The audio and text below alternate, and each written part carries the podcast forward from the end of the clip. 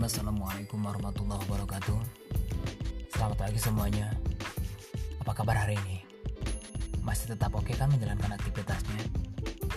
Jaga kesehatan terus guys.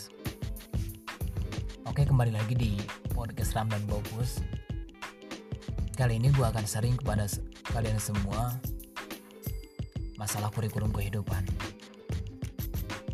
Mungkin kedengarannya agak aneh juga karena mungkin kalian dengar? Atau yang kalian tahu? Masalah kurikulum ya tentunya kaitannya dengan dunia pendidikan kan ya memang betul. Masalah kurikulum ya tentunya berkaitan erat dengan masalah pendidikan. Tapi kali ini beda. Ya akan gue seringkan kepada teman-teman semua bukan kurikulum yang kaitannya dengan dunia pendidikan tetapi dengan kehidupan. Cie. Kehidupan. Dulu berat ya guys kalau kita ngebahas masalah kehidupan. Banyak sekali kali lika-liku yang harus kita temui dan kita terima dalam kehidupan ini. Makanya dalam podcast kali ini gue akan ngebahas masalah kurikulum. Terutama ke kurikulum kehidupan. Kenapa? Ada cerita. Sebelum gue masuk ke bahasan ini Gue kasih cerita kepada sekalian semua. Kenapa gue ngambil judul dengan kurikulum kehidupan? Jadi dua hari ke belakang gue baca-baca buku. Waktu itu gue baca dua buku. Yang satu masalah pendidikan yang satu itu buku inspiratif. Gue baca-baca buku pendidikan karena sekarang lagi masa-masanya ujian akhir semester. Jadi mau tidak mau gue harus baca-baca buku kembali dan mengulang-ulang kembali supaya gue bisa teringat dan bisa menjawab ujian akhir semester guys makanya gue baca-baca buku itu. Dan gue nemuin bahasan masalah kurikulum juga. Yang kedua gue baca buku inspiratif. Ya pikiran gue supaya semangat gue nggak surut sih. Setelah gue baca buku dua itu gue bisa jadi merasa pengen mengambil kesimpulan aja gitu dari kedua buku itu ya di podcast kali ini gue akan ngebahas hikmah dari kurikulum itu. Gue yang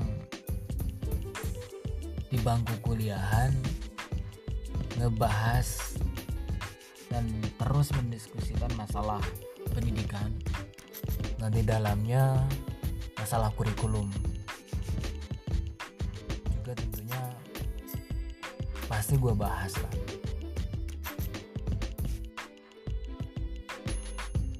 Gue tuh berpikir kurikulum saja yang dipikirkan oleh orang-orang hebat seperti konsultan kurikulum para pengelola pendidikan. Yang tentunya mereka bukan orang-orang ece-ece men. Mereka ilmunya sudah jelas sangat mumpuni.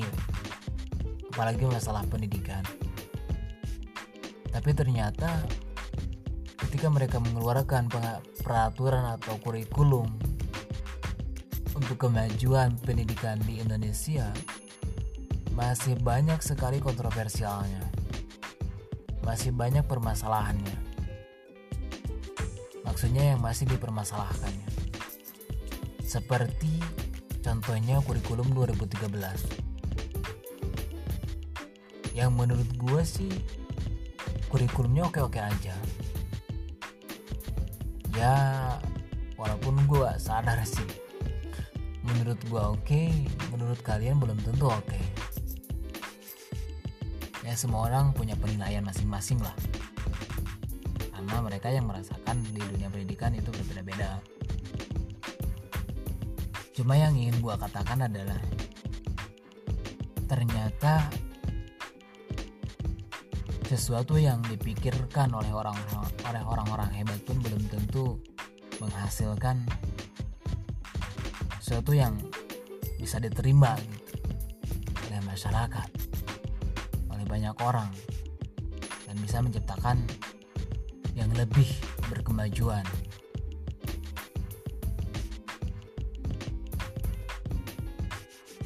yang ingin gue bahas adalah kenapa sih? Emang kaitannya dengan kehidupan seperti apa? Gitu kan. Nah, sekalian bertanya seperti itu. Lalu apa sih kurikulum? Nah gua akan sedikit cerita dulu sebelumnya masalah kurikulum.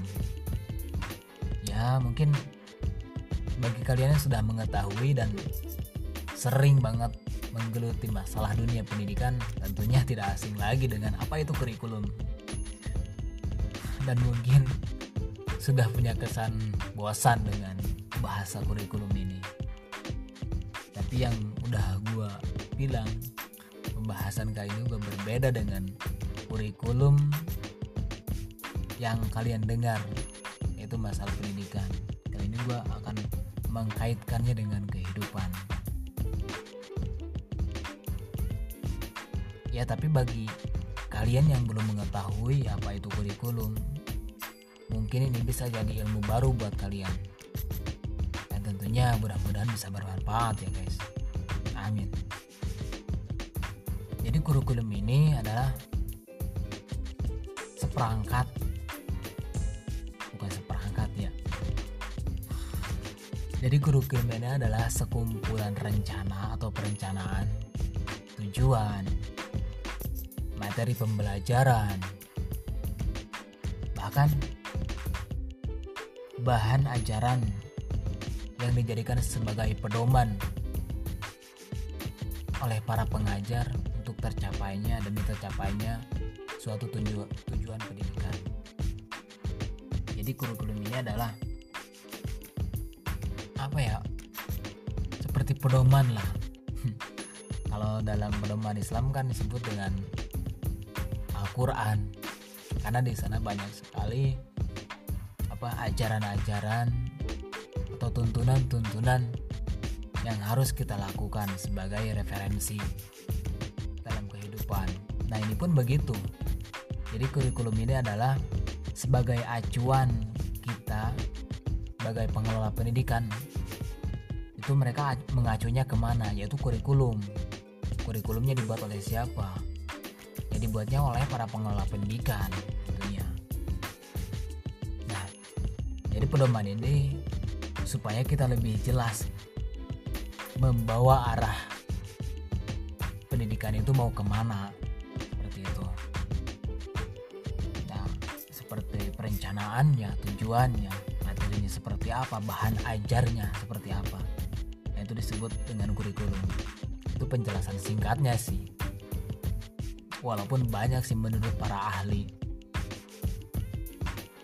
banyak sekali pendapat-pendapat yang berbeda masalah kurikulum ini. Dan kalau kita lihat sejarahnya memang lumayan panjang juga sih. Tapi ya gak mungkin gue bahas di podcast kali ini karena mungkin tidak cukup waktu satu jam untuk membahas kurikulum ini guys karena memang bener-bener panjang. Panjang sekali bahasan kurikulum ini.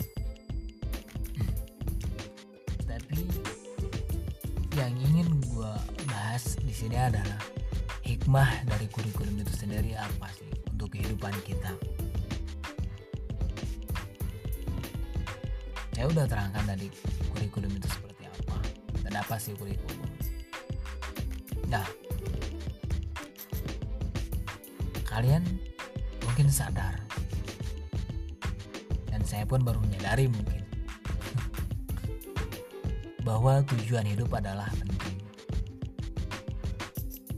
Perencanaan dalam hidup itu menjadi keharusan yang harus ada dalam kehidupan kita.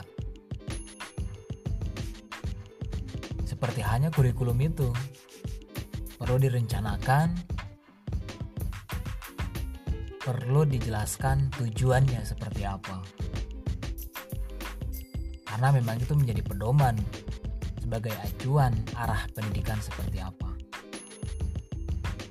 Dunia pendidikan atau lembaga pendidikan atau sekolah tanpa adanya kurikulum itu tidak akan jelas arahnya ke mana. Buradul pokoknya. Begitupun hidup kita. Kalau kita belum mempunyai kurikulum artinya kita belum mempunyai perencanaan belum punya tujuan dalam hidup kita. Gimana mau action gitu? Simpelnya seperti itu. Kita mau action tapi kita nggak tahu kita actionnya mau ke mana gitu. Kita mau berbuat tapi nggak tahu gua mau berbuat apa dan tujuannya untuk apa. Nah simpelnya seperti itu makanya perlunya ada kurikulum sebagai pedoman. Kalau dibahas simpelkan mungkin prinsip hidup atau cita-cita hidup. Mau bagaimana? Gue jadi ingat ketika gue masih pondok dulu waktu itu datang komunitas yang melakukan bakti sosial kepada pesantren gua. Dan mereka salah satu dari mereka menyampaikan motivator supaya mungkin tujuannya santri-santri lebih termotivasi lah. Nah waktu itu mereka menyarankan kepada semua audiens yaitu santri-santri semua dan gua termasuk yang mengikuti apa namanya hmm, materi motivasi itu. Mereka bilang ambil pulpen kalian dan ambil buku kalian sobek dan dapatkan satu kertas. Nah gue sobek lah tuh buku dan gue ambil pulpen. Mereka bilang tuliskan rencana kalian lima tahun ke depan. Contohnya, di tahun 2015 tahun 2016 rencananya mau apa? 2017 begitu pun dan seterusnya. Nah itu adalah terkonsep seperti itu dikonsepkan supaya apa? supaya ketika kita action dalam menjalani hidup itu kita sudah mempunyai tujuan yang jelas nah simpelnya mungkin seperti itu hanya dibuatlah kurikulum. Itu pun pendidikan. Supaya arah tujuan pendidikan itu jelas maka dibuatlah kurikulum pendidikan. Seperti itu. Nah bagi kita selaku yang menjalani hidup tentunya ini sudah menjadi kewajiban mungkin menurut gue merencanakan kehidupan ke depannya itu harus seperti apa banyak kalian yang bertanya. Gue belum ada perencanaan nih. Dan sama sekali belum punya tujuan hidup. Terus gue harus ngapain? Gue harus apa nih? Saran gue nih guys. Sering kalian menuntut ilmu menuntut ilmu itu bukan harus sekolah terus ya guys sering ngobrol dengan orang-orang yang sudah punya pengalaman pun itu bisa jadi ilmu. Baca-baca koran buku komik dan lain sebagainya itu adalah ilmu nah, bagi kalian yang masih bingung dengan tujuan hidupnya cobalah mendekati orang-orang yang menurut kalian bisa dipercaya, bisa menasehati, bisa memberikan arahan, atau mungkin bisa baca-baca buku, atau mungkin bisa saja mendengarkan podcast. Banyak sekali media sekarang supaya kita lebih tergerak dalam hidup dalam menjalani hidup. Seperti itu.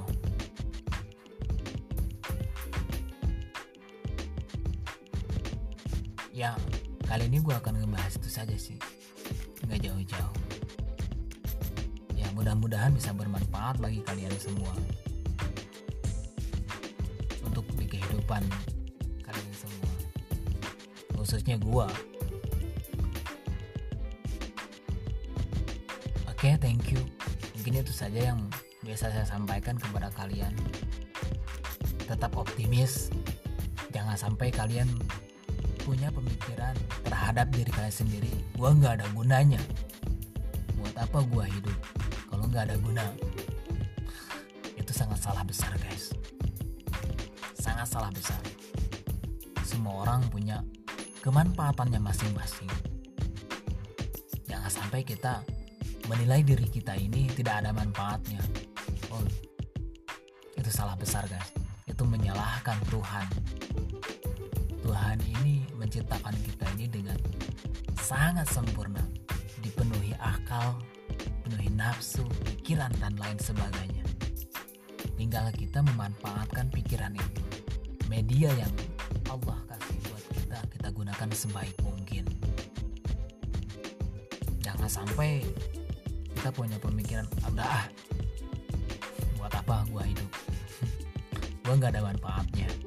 Untuk itu lakukanlah sekecil apa pun kemanfaat yang kemanfaatan yang akan dilakukan hargai oleh diri kalian sendiri guys berbuat baiklah walaupun itu hanya sekecil apa pun. Tapi hargailah oleh diri kalian sendiri. Jangan sampai kalian berbuat baik pun tidak kalian hargai oleh diri kalian sendiri. Jangan sampai seperti itu guys. Ya walaupun gue tahu dan gue sadar perbuatan yang kecil tumbuhnya memang lambat. Hasil kemanfaatannya memang lambat. Tapi ya jangan sampai kita memutuskan memutuskan untuk berbuat baik. Terus berbuat baik guys. Oke thank you. Mudah-mudahan ada manfaatnya. Dan mohon maaf apabila banyak kekurangan dalam penyampaian podcast ini. Malum gue juga masih dalam tahapan pembelajaran. Dalam tahapan pembenahan oke wassalamualaikum warahmatullahi wabarakatuh